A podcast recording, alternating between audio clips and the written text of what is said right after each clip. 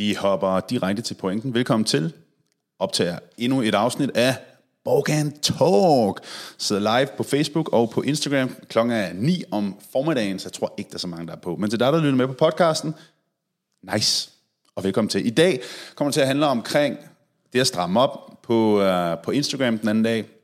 Lavede en afstemning, hvor mange det var, der var interesseret i at stramme op, hvor mange der var interesseret i at bygge muskelmasse, hvor mange der er interesseret i et større vægttab.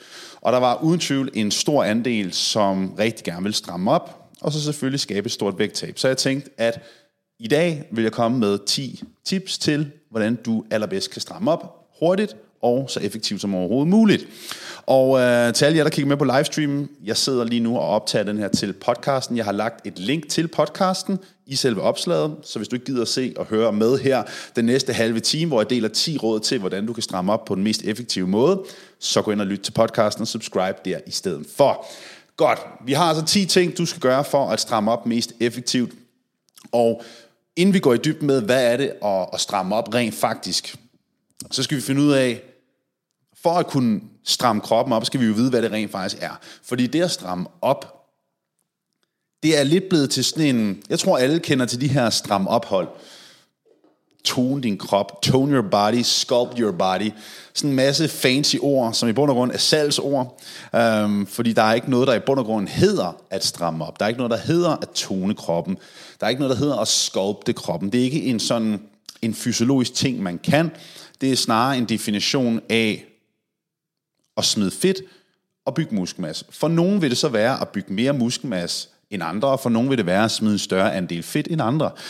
I bund og grund er det en kombination, typisk en kombination af at smide noget fedt og bygge noget muskelmasse.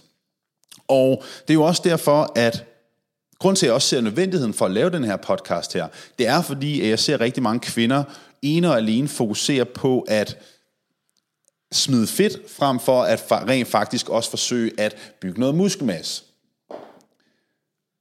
Fordi det der, det der er problemet med mange af de her øh, stramme ophold eksempelvis, det er, at det er kredsløbstræning med en smule elementer af styrketræning. Hvilket i bund og grund, hvis man synes stram optræning er fantastisk, stram opholdende, så er det cool, så er det fair nok, så er det jo bare fantastisk. Men det er rent faktisk en super ineffektiv måde at i bund og grund stramme op, fordi at der er så lidt fokus på rent faktisk at bygge noget muskelmasse, Um, og det er snarere faktisk kardiovaskulær træning, altså det vil sige kredsløbstræning, så du får forbrændt nogle kalorier, og du får, får opbygget din kondition, men med meget lidt fokus på rent faktisk at bygge muskelmasse. Og det er derfor, at mange de slet ikke ser de resultater, de godt kunne tænke sig, fra for eksempel stram ophold, eller body pump, eller hvad det nu måtte være, eller i hvert fald langsomme resultater, det er, fordi at det fokuserer primært på den kredsløbsmæssige, kardiovaskulære del af det at stramme op. Og fordi vi netop ved, at det at stramme op for rigtig mange betyder at forøge deres muskelmasse og samtidig smide noget fedt, mm, så er vi jo interesseret i at skabe de bedst tænkelige omstændigheder for at bygge noget muskelmasse og også for at smide noget fedt. Og jeg vil også bare gerne, lige inden jeg går i dybden med de her 10 råd til, hvordan du kan stramme op mest effektivt, så handler det jo i sidste ende om at finde noget, som passer til en, og noget, som man kan se sig selv gøre i det lange løb. Fordi der, hvor at grund til, at langt de fleste de ikke får de resultater, de godt kunne tænke sig med deres krop, det er jo ikke nødvendigvis fordi, de ikke gør det, der er allerbedst, men det er faktisk fordi, de rent faktisk ikke gør noget som helst. De ender ikke med at holde det ved lige, de ender ikke med at fortsætte i lang tid nok. Så hvis du har fulgt på noget tid, så vil du uden tvivl vide, at jeg er stor tilhænger af, at man finder noget, man nyder. Man finder noget, som man kan fortsætte med, og noget, hvor at det her det kan, er noget, jeg kan se mig selv gøre i rigtig, rigtig mange år. Det er trods alt det vigtigste, uanset hvad der så i sidste ende måtte være allermest optimalt. For der er nogle ting, der er uden tvivl allermest optimalt, når det er, at du godt kunne tænke dig at stramme op og tone kroppen. Og det er altså styrketræning i en kombination af kost.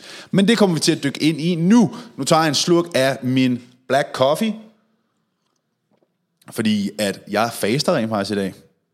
Jeg har aftalt med mig selv, at jeg faster indtil kl. 12, og øh, nu er det ikke, fordi den her podcast skal handle omkring faste, men øh, jeg gør det rent faktisk, fordi jeg træner om morgenen, og jeg synes, det er lidt irriterende at skulle spise morgenmad inden jeg tager op og træner, fordi så tager jeg for meget tid, for jeg elsker at spise morgenmad, jeg hygger med min morgenmad. Så nu har jeg gjort det, at jeg så har spist lidt morgenmad efter jeg har trænet, men jeg har set mig selv ikke rigtig have et behov for det, så nu prøver jeg bare at faste til kl. 12.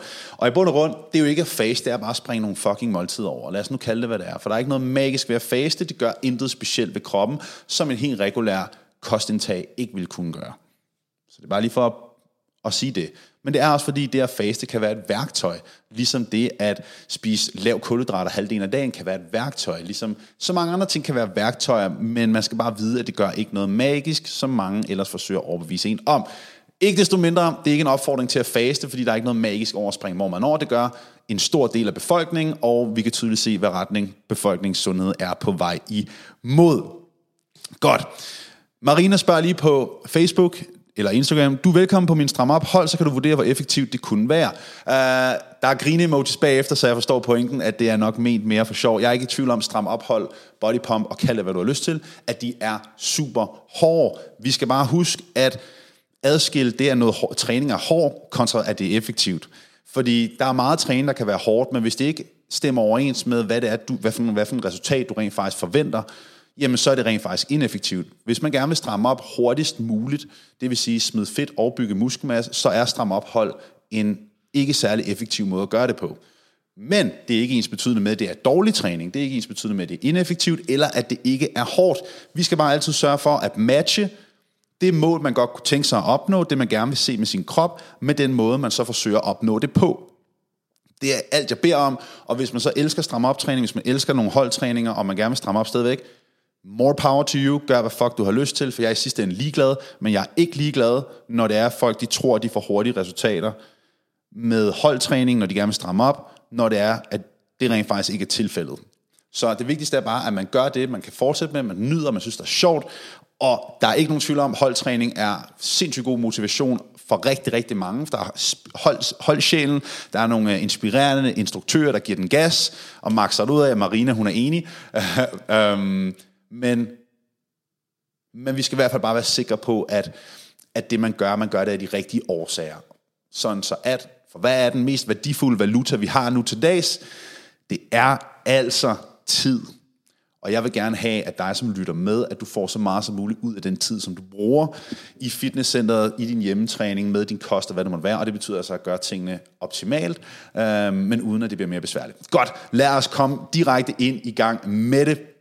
Så punkt nummer et ud af de 10 punkter for at stramme op på den mest effektive måde. Er I klar? Jeg vil gerne lige på Facebook og Instagram God formiddag, Lene, alle sammen. Jeg vil gerne se et flammehav. Skriv en flamme-emoji i kommentarfeltet. Lad mig se, at I er aktive. Jeg vil sige, at jeg er overrasket over, at der sidder 50 mennesker på Instagram, der sidder 50 mennesker på Facebook og følger med. Det er 100 mennesker, der følger med lige nu. Hold nu fest. Det er motiverende. Godt, det er fantastisk. Lad mig se et flammehavn. Vibeke, hun skyder flammerne afsted som den allerførste. I love it. Godt. Så, 10 punkter for at stramme op på den bedst tænkelige måde. Først og fremmest, så fordi det er at stramme op, det er at smide fedt og bygge muskelmasse, så er de her 10 punkter opdelt i, at der er noget, der, vil, der fokuserer på at skabe fedttab, og der er noget, der fokuserer på at bygge muskelmasse. Det første og det vigtigste for at stramme op på den mest effektive måde, det er, at du inkorporerer styrketræning med modstand. Så det betyder altså, at der skal være noget modstand på de øvelser, som du udfører. Kropsvægtstræning kan være en super fin start, og hvis man er svært overvægtig, hvis man er meget svag, så kan kropsvægtstræning være en rigtig fin start. Men du er nødt til at få noget modstand på dine bevægelser.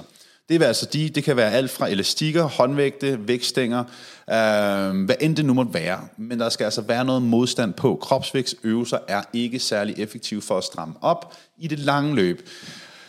Så det vil altså sige, at der skal noget modstand på, der skal bygges noget muskelmasse, og styrketræning skal sørge for det. Og når det er, at du forsøger at stramme op og bygge noget muskelmasse, og husk på de damer, jeg ved, størstedelen af jer, der følger med, I er kvinder, I kvinder, og jeg har, jeg har trænet og coachet kvinder i snart 10 år, og øh, størstedelen af de klienter, som jeg havde, da jeg var en-til-en personlig træner i fitnesscenteret, som jeg var i rigtig mange år, jeg har mere end 1000 PT-timer under bæltet, så jeg er en erfaren herre.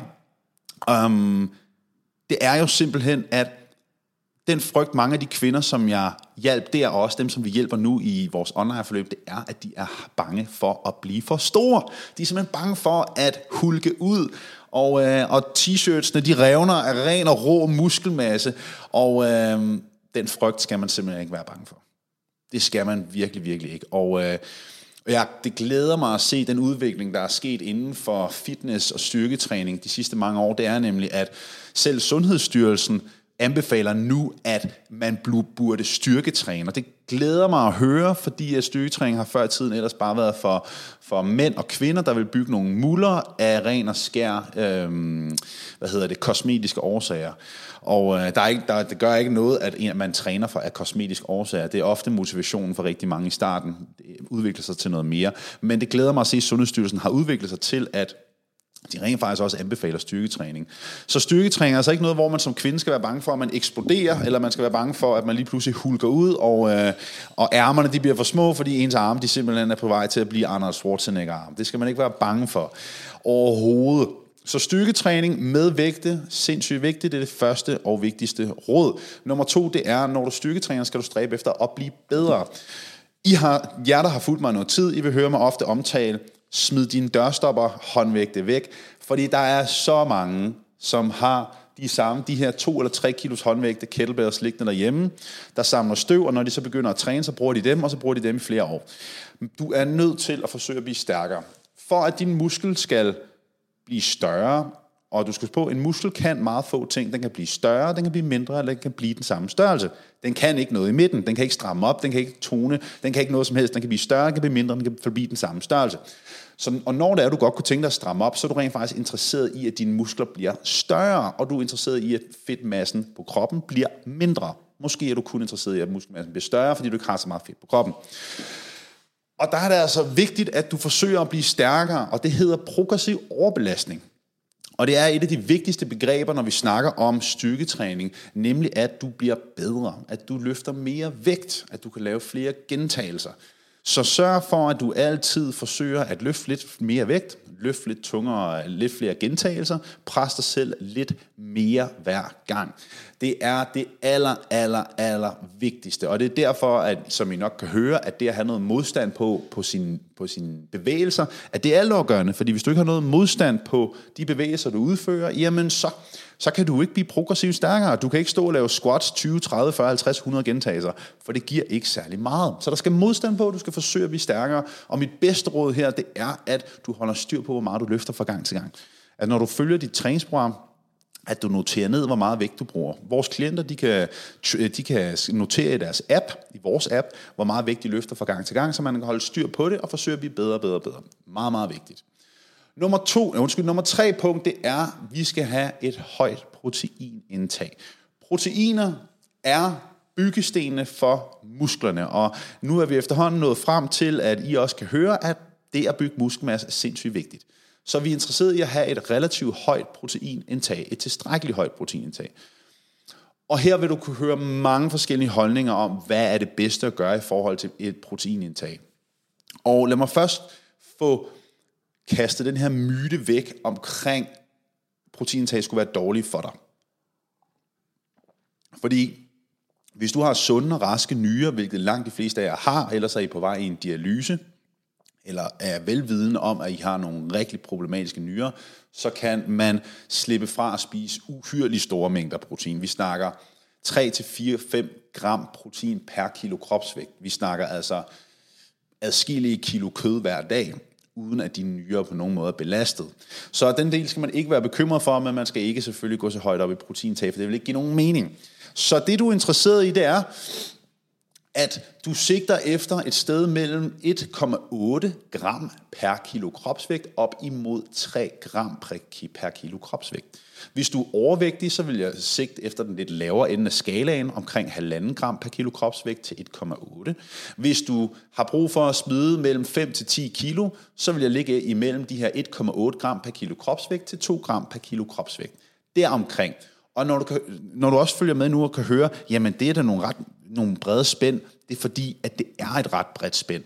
Og det skal ikke være så så øh, øh nazistisk, så analt, hvad er, det, hvad er det, jeg siger? Men det skal ikke være så rigidt, at du står og tæller et par gram protein til og fra. Vel? Så rigidt skal det ikke være. Vi er ikke bodybuildere, vi er ikke bikiniatleter, vi er ganske almindelige mennesker, og, øh, og der skal man altså ikke stå og veje 10 gram til eller fra. Vel?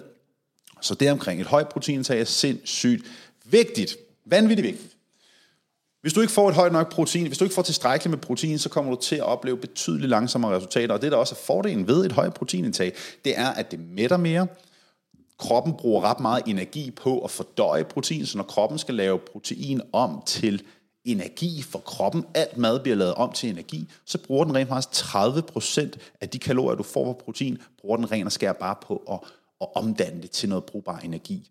Det er altså en slat, plus det mætter rigtig meget, og kroppen kan rent faktisk bruge protein til noget andet end bare energi, den kan nemlig bruge det til muskelopbygning.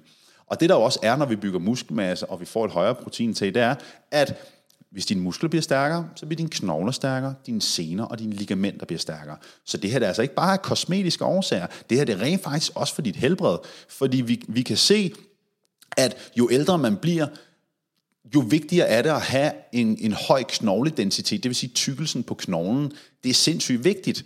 Og hvordan får man det? Det gør man igennem regelmæssig og progressiv styrketræning. Så det at styrketræne og få nok protein er altså ikke bare til for at bygge en booty og bygge et par faste arme eller nogle store kanoner. Det er faktisk også til for, at du kan være på den her jord i lang tid, uden at skulle have brug for hjælp fra andre mennesker. Og det er jo, vil jeg da sige, er målet for rigtig mange. Det er i hvert fald mit mål. Det er, at jeg skal så vidt muligt være uafhængig af nogen som helst, der skal tørre min røv, eller tage noget som helst af mig, øhm, så vidt muligt. Der er selvfølgelig nogen, man bliver, der, man bliver uheldig, der sker uheld, men jeg vil gøre alt, hvad jeg kan for at minimere, at jeg har brug for hjælp. Øhm, det er i hvert fald mit mål. Godt, vi hopper videre til det næste punkt. Jeg vil hoppe lidt hurtigere igennem de næste punkter, fordi det er nogle mindre essentielle punkter. Øh, og plus, jeg har rent faktisk en behandling. Jeg skal til øh, opstart hos en, øh, en ny behandler for at se, om han kan hjælpe mig lidt med mine rygproblemer, jeg fik på grund af, at en eller anden dame, hun tjekkede sin radio, imens hun kørte bag mig i sin bil. Idiot. Så nu er min ryg fucked, og det har været i tre år på grund af, at hun skulle tjekke sin radio. Så det er fantastisk. Um, hvor kom vi fra? Yes, lige i forhold til protein, hvor får du dit protein fra? Prøv at fokusere på kød generelt, mært kød, kylling, fisk, kalkun, øh, laks, makrel, oksekød osv. Super godt. Mejeriprodukter, hytteost, skyr, ost, mælk osv. Æg, Uh, hvis du er vegetar eller veganer, så er der selvfølgelig øh, linser, bønner, tofu, seitan osv. Uh, øh, men hvis du er i tvivl om, hvor, hvordan du kan få et højt nok proteinindtag, så vil jeg simpelthen uh, gå ind og google proteinkilder. Um, og så sørg for at få en struktur på din kost, fordi rigtig mange de kæmper med at få nok protein, og hvis du kæmper med at få nok protein, så er det fordi, at du rent faktisk Øh, ikke har en struktur på din kost. Du tager måltiderne, som det kommer, øh, og så er det heldigvis noget, der kan fixes. Lad mig gentage den her. Hvis du ikke får nok protein i løbet af dine dage, og du udfordrer det, så er problemet ikke, at du er svær ved at få nok protein. Problemet er, at du ikke får, får planlagt din mad i løbet af dagen, og du ikke holder nogenlunde styr på, hvor meget det er, du rent faktisk indtager. Um, og der bliver spurgt omkring den her live her, den bliver gemt, det gør den ja, fordi jeg sidder og laver podcast, plus livesene bliver gemt på Facebook og på Instagram. Men jeg vil simpelthen bare lytte med til den her. Og øhm, yes, vi hopper videre til det næste punkt. I har en masse spørgsmål omkring det hele. I må meget gerne sende mig en privat besked med alle de spørgsmål, I måtte have, eller kommentere på nogle af mine opslag. Jeg vil faktisk foretrække bare bare kommentere på nogle af mine opslag, øhm, i forhold til de spørgsmål, I måtte have, fordi vi har nogle sindssygt vigtige punkter, vi skal nå igennem for de her 10 punkter for at stramme allermest effektivt op. Alright, næste punkt, det er nemlig, vi kom fra proteinindtag, nu går vi videre til hydrering, nemlig væskeindtag. Det, vi går hurtigt igennem den her, og det er simpelthen, at din krop har brug for væske, ligesom din krop har brug for mad, den har brug for søvn, og den har brug for noget chubang sex en gang imellem. Hvis vi ikke får regelmæssig sex, hvis vi ikke får tilstrækkeligt med væske, søvn og mad, så er der noget, der ikke helt er, som det skal være. Og ja, de ting, fire ting, er fundamentale for, at vi mennesker har det absolut fantastisk. Vi kan klare os uden sex, naturligvis, men lider sgu ikke lige så optimalt uden regelmæssig sex, vel?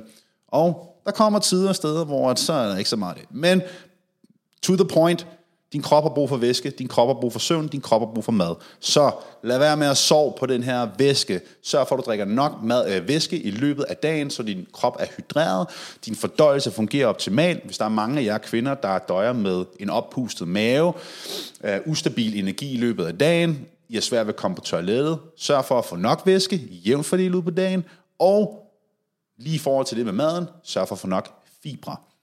Lille hurtigt pro-tip herfra. Forskning har vist, at fiberindtag hænger direkte sammen med, hvor lang tid du lever. Og der, man har i bund og grund ikke kunne finde en øvre grænse for, hvor meget protein, eller hvor, meget, hvor højt et fiberindtag man kan tåle, fordi at forskning viser indtil videre, at jo højere fiberindtag du har, jo mere påvirker det din død, øh, påvirker det ikke din dødelighed, eller hvad man siger. Altså, du kommer til at leve længere på den her jord. Problemet er, hvis du kommer op på enormt høje fiberindtag, din krop kan næsten ikke fordøje det. Altså, du, du kan næsten ikke komme på toilettet, vel? Så, øhm, men lille råd herfra, sørg for at holde et højt fiberindtag, og øh, det vil altså sige en 20-30 gram fiber per dag, og du kan sagtens slippe fra at komme højere op. Som dit fiberindtag kommer højere op, skal du også sørge for at få tilstrækkeligt med væske. Meget vigtigt, for ellers så ender du med at skide mursten. Og det er temmelig ubehageligt. Sørg for, at, næste råd, sørg for, at du undgår crash-diæter. En proces, som det er at stramme op, som vil sige at smide fedt og bygge muskelmasse. Fedtdelen er sgu, den er til at have med at gøre. Der skal du være i kalorieunderskud, du skal spise i et energiunderskud. Hvis du er i tvivl om, hvor meget du skal indtage for at være i kalorieunderskud, det vil sige smid fedt, gå ind på borgfitness.dk, skråstrej beregner. Vi har en gratis beregner, som du kan bruge for at finde ud af, hvor mange kalorier du har brug for, for at smide dit fedt. Men du er nødt til at være i kalorieunderskud, hvis du gerne vil smide fedt. Det kan ikke ændres på, og man kan sagtens bygge muskelmasse, alt imens man smider fedt. Så hvis du gerne vil stramme op, nemlig smide noget fedt og bygge noget muskelmasse, og du er ikke en super avanceret dame med styrketræning, så kan du godt smide fedt og bygge muskelmasse på samme tid. Det er en gammel røver, det her med, at man ikke kan begge dele. Det er kun folk, som er meget, meget avancerede, har trænet rigtig mange år, og som har haft super optimal kost og træning igennem rigtig mange år, som ikke kan smide fedt og bygge muskelmasse på samme tid. For dig, der følger med, der ikke har trænet meget dedikeret i rigtig mange år, du kan absolut godt. Så, der kommer vi lige nogle hurtige ekstra pointer her. Um, I forhold til lige den her med væske, der spørger Lene, hvad går ind under væske, er slemt til at slukke tørsten i Pepsi Max. Så i bund og grund, Pepsi går også ind under det at slukke tørsten. Det er også væske. Men jeg vil ikke anbefale at slukke din tørst i Pepsi Max. Jeg vil anbefale at sørge for at drikke noget vand, væske, vand, vand, vand, vand i løbet af dagen, og ikke læne dig op af primært Pepsi Max. Med det sagt, Pepsi Max er ganske harmløst i relativt fornuftige mængder, men dine tænder har det ikke så godt med det. Jeg taler af erfaring, og øh, generelt det at drikke vand er bare bedre. Det er vand. Det er så rent, som noget overhovedet kan være. For at stramme op og smide fedt, som jeg sagde før, det at smide fedtet, det er en relativt overskueligt, det kræver du kalorieunderskud, men det at bygge muskelmasse, det er straks en lidt mere længerevarende proces. Så sørg for, at du håndterer fedtdelen først, eventuelt i samspil med, at du styrketræner.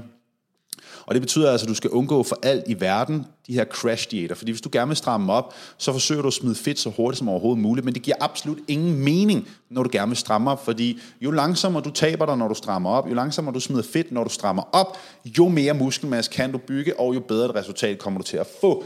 Og det er derfor, at du vil se, at rigtig mange af vores klienter, som strammer op mest effektivt, de taber sig ikke nødvendigvis særlig hurtigt. Og hvis de taber sig hurtigt, så har de en periode efter vægttabet, hvor at vi hjælper dem med at bygge muskelmasse mere koncentreret. Fordi at man kan ikke gå og hele tiden være fokuseret på at ikke vil tage på og, og vil smide fedt, hvis det er, at man godt kunne tænke sig at stramme op allermest effektivt, så er man nødt til at have perioder, hvor man ene og alene fokuserer på at bygge muskelmasse. Så det var lige et ekstra punkt, det er, sørg for, at du har lange perioder, når du er tilfreds med det mængde fedt, du har på kroppen, hvor du ene og alene fokuserer på at bygge muskelmasse. Fordi når du vil stramme op, når du vil tone kroppen, så vil du gerne bygge muskelmasse. Og der nytter det ikke noget, at du begrænser din krop hele tiden i forhold til, hvor meget næring du må få. Og det er jo der, en af de fejltagelser, jeg ser rigtig mange kvinder især begå, det er, når de først har tabt sig og smidt fedtet, så er de afsindig bange for at tage på. Så de begrænser mængden af mad så meget, men man kan alligevel ikke begrænse maden til kalorieunderskud hele tiden, så weekenderne ender med at stikke af, bestemte tidspunkter stikker af, man snakker rigtig meget, fordi man forsøger at holde sig fornuftig langt størstedelen af tiden, men man ender alligevel med at spise langt mere. Så der vil jeg klart anbefale, når du er her, du har smidt det fedt, du godt kunne tænke dig, have en periode, hvor du fokuserer på at bygge muskelmasse og give kroppen mere mad. Husk på, muskler, det kommer af at give kroppen tilstrækkeligt med mad og styrketræne. Så et stort, stort råd herfra, det er, have også nogle perioder, når du har smidt fedtet, hvor du fokuserer på at bygge muskelmasse. Det er den periode, der kommer til at betale sig rigtig, rigtig, rigtig meget. Og hvis du ser resultater på nettet, eller hvad det måtte være, hvor du kan se, så er de bygget en bagdel, eller nogle, nogle ekstra tonede arme, eller hvad det nu måtte være. En ting er at smide fedtet, men en anden ting er så den periode, når du så bygger muskelmasse. Det er det, der kommer til at gøre en rigtig stor forskel. Så have perioder, hvor du bygger muskelmasse, undgå de her crash diæter. Næste det er at sørge for at give din krop tilstrækkeligt med hvile. Fordi du skal styrketræne selvfølgelig for at få hvad hedder det, få bygget noget muskelmasse, men det at rent faktisk i kroppen hvile er også vigtigt. Det at få nok søvn er vigtigt. Og det er ikke en, en, en det at få nok søvn er en luksus, vi alle sammen ikke kan få, få uh, altid. Her i nat for eksempel, Tristan, jeg har en, uh, min forlovede Simone og jeg, vi har en, en søn på, han er syv måneder nu, og uh, i nat, han havde en nat, hvor han bare var, han vil ikke sove. Og øh, lige pt, det er ikke fordi, at øh, jeg får særlig meget søvn, og min forlovede, hun får endnu mindre søvn i hverdagen.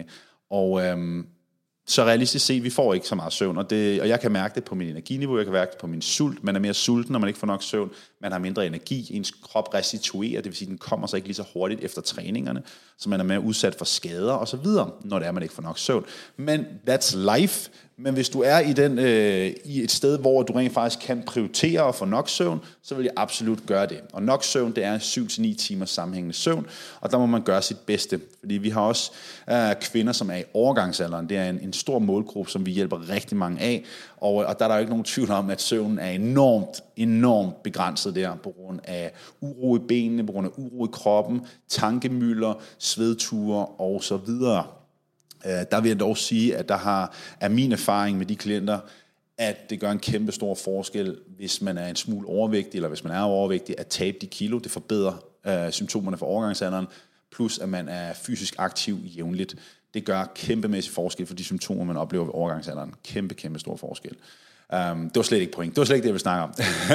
Men uh, sørg for, at du har nogle hviledage, sådan så du ikke løber hver, hver anden dag og styrketræner hver anden dag. Um, din krop har brug for hvile. De sidste to råd, jeg vil komme med, inden jeg suser videre til min behandler, og forhåbentlig bliver knækket og most der får albuer ind i hoften, og masser af ubehageligt, og ligger og skriger som en lille baby, så har jeg to råd til sidst. Det er nemlig, at du er nødt til, hvis du gerne vil opnå et resultat, hvor du strammer op, hvor du virkelig ser den forandring i kroppen, du godt kunne tænke dig, og samtidig at det bliver der, så er du nødt til at opbygge nogle brugbare vaner, nogle vaner og rutiner, som du rent faktisk kan holde dig til. Og det får mig jo direkte tilbage til punkt 1, nemlig at du skal finde en måde at træne på, en måde at være fysisk aktiv på, som til gode ser det mål, du godt kunne tænke dig, og en tilgang, som rent faktisk giver mening for dig i det lange løb. Fordi hvis du går bare til den ene crash diet efter den anden, og du er mega striks i tre måneder, og så kaster du det hele til fucking siden igen bagefter, så kan det være fuldstændig ligegyldigt, for jeg er bedøvende ligeglad, hvad du kan præstere og gøre på tre måneder. Jeg kunne ikke være mere ligeglad. Det, der betyder noget for mig, det er, hvor er du hen om et år. Fordi langt de fleste, de er det samme sted efter et år, på trods af, at de har givet den gas i tre måneder, eller fire måneder, eller hvad det måtte være. Så derfor sørg for, at du investerer i noget, der er langtidsholdbart. Sørg for, at det er godt og gerne, jeg synes kun, det er fantastisk at godt kunne tænke sig nogle hurtige resultater. Jeg er 100% med på det. Hurtige resultater er motiverende, det er fedt, det er fantastisk, I fucking love it. Jeg kan godt forstå det. Men glem aldrig nogensinde, at i sidste ende, så er, du, er vi allermest interesseret i, hvor du er hen om et år. Ikke hvor du er hen om tre måneder, om fire måneder. Så have altid i mente, at vi er ude på nogle holdbare vaneændringer og adfærdsændringer. Og det betyder altså også, nu har vi jo ferierne lige nu her, det betyder, at, at du tager på ferie nu her, det er også en vigtig del af det at skabe en holdbar ændring, at hvordan håndterer du din ferie? Vi havde en klient, jeg så her, der skrev ind i vores, øh, i vores fællesskab, Borg Fitness fællesskabet, at hun havde lige været på ferie i Spanien, og, øhm, og det var gået fantastisk. Hun havde været fysisk aktiv, hun havde spist rimelig fornuftigt, drukket lidt færre drinks, end hun plejede, men hun fandt rent faktisk ud af, at hun havde nyt hendes ferie lige så meget, som hun plejede, og hun var rent faktisk kommet hjem fra sin ferie 1,9 kilo lettere end før. Og det, det fantastiske ved det her, det er jo, at, fordi i sidste ende vil jeg sige, man skal nyde sin ferie maksimalt. Men det, som du definerer som at nyde lige nu, hvis du sidder og er helt utrænet og ikke gjort en skid i lang tid, jamen det, du, det, det, det din definition af at nyde er, den er anderledes, end hvis du havde været i gang i 3, 4, 5, 6 måneder og mærket, hvordan det vil føles at give din krop den rette næring, fysisk aktiv. Så husk altid på det her, at vi er interesseret i nogle holdbare langtids, nogle, nogle langtidsholdbare ændringer, og det din definition er om at nyde lige nu og her, det er ikke nødvendigvis det, som din definition er at nyde om fire eller fem måneder. Jeg tror, vi alle sammen kan genkende os, der har været igennem fysiske forandringer, eller hvor vi har været lidt bedre med vores kost i en periode, og så har vi haft en, en uge, hvor det har været helvedes til. Uh, det er, at når vi så kommer tilbage, så er det bare sådan, åh, man føler sig bare lidt lettere, man føler sig mindre flommet, mindre slasket, man har mindre væske i kroppen, man har bare mere energi, man har det bare godt. Og øhm, så altså husk på, når du er i gang med at skabe den her ændring her, jeg kan godt forstå, at du godt kunne tænke dig at skabe hurtige resultater, men lad det aldrig være på bekostning af, at vi i sidste ende jo rent faktisk er interesseret i at skabe noget, noget der er langtidsholdbart. Det at ændre din krop, det er et maraton, og det er ikke en sprint, og det er noget, der tager tid. Og husk på i sidste ende, dit mål er ikke at skabe en fysisk forandring på 12 uger. Dit mål er at skabe en fysisk forandring, som kan holde om et år, om to år, om fem år, om 10 år, om 20 år. Det er det, der er målet. Det er fucking lige meget, hvad du kan præstere på 12 uger, hvis du gør det på kompromis af det er langtidsholdbart. Alright, det var 10 råd. Der var nok lidt mere omkring, hvordan du kan stramme op allermest effektivt. Hvis du lytter med til den her podcast her, vil jeg værdsætte sindssygt meget, og du fik noget ud af den, at du deler det på din story på Instagram, eller at du deler den med en ven eller veninde, som du tænker kunne have brug for den her øh, podcast her. Til jer, der kigger med på live, der har været godt gang i den. Der er 70 mennesker på, øh, på Facebook, og der er 37 på Instagram. Det er helt overvældet over, hvor mange mennesker, der sidder på en tirsdag formiddag. Ha' en fantastisk dag. Tak fordi I kiggede med. Som altid, smid et like på Facebook og Instagram, og til dig, der lytter med på podcasten, jeg håber, du fik noget af det. Del det med en ven, veninde eller på Instagram. Det vil betyde noget for mig, hvis du i hvert fald fik noget ud af det. Nu vil jeg hoppe direkte til behandling. Pive som en lille baby, fordi jeg garanteret kommer til at få en albu lige ind i hoften, fordi det er der, mit problem er. Au, au. Vi ses. Ha' en fantastisk dag. Tak for i dag. Hej.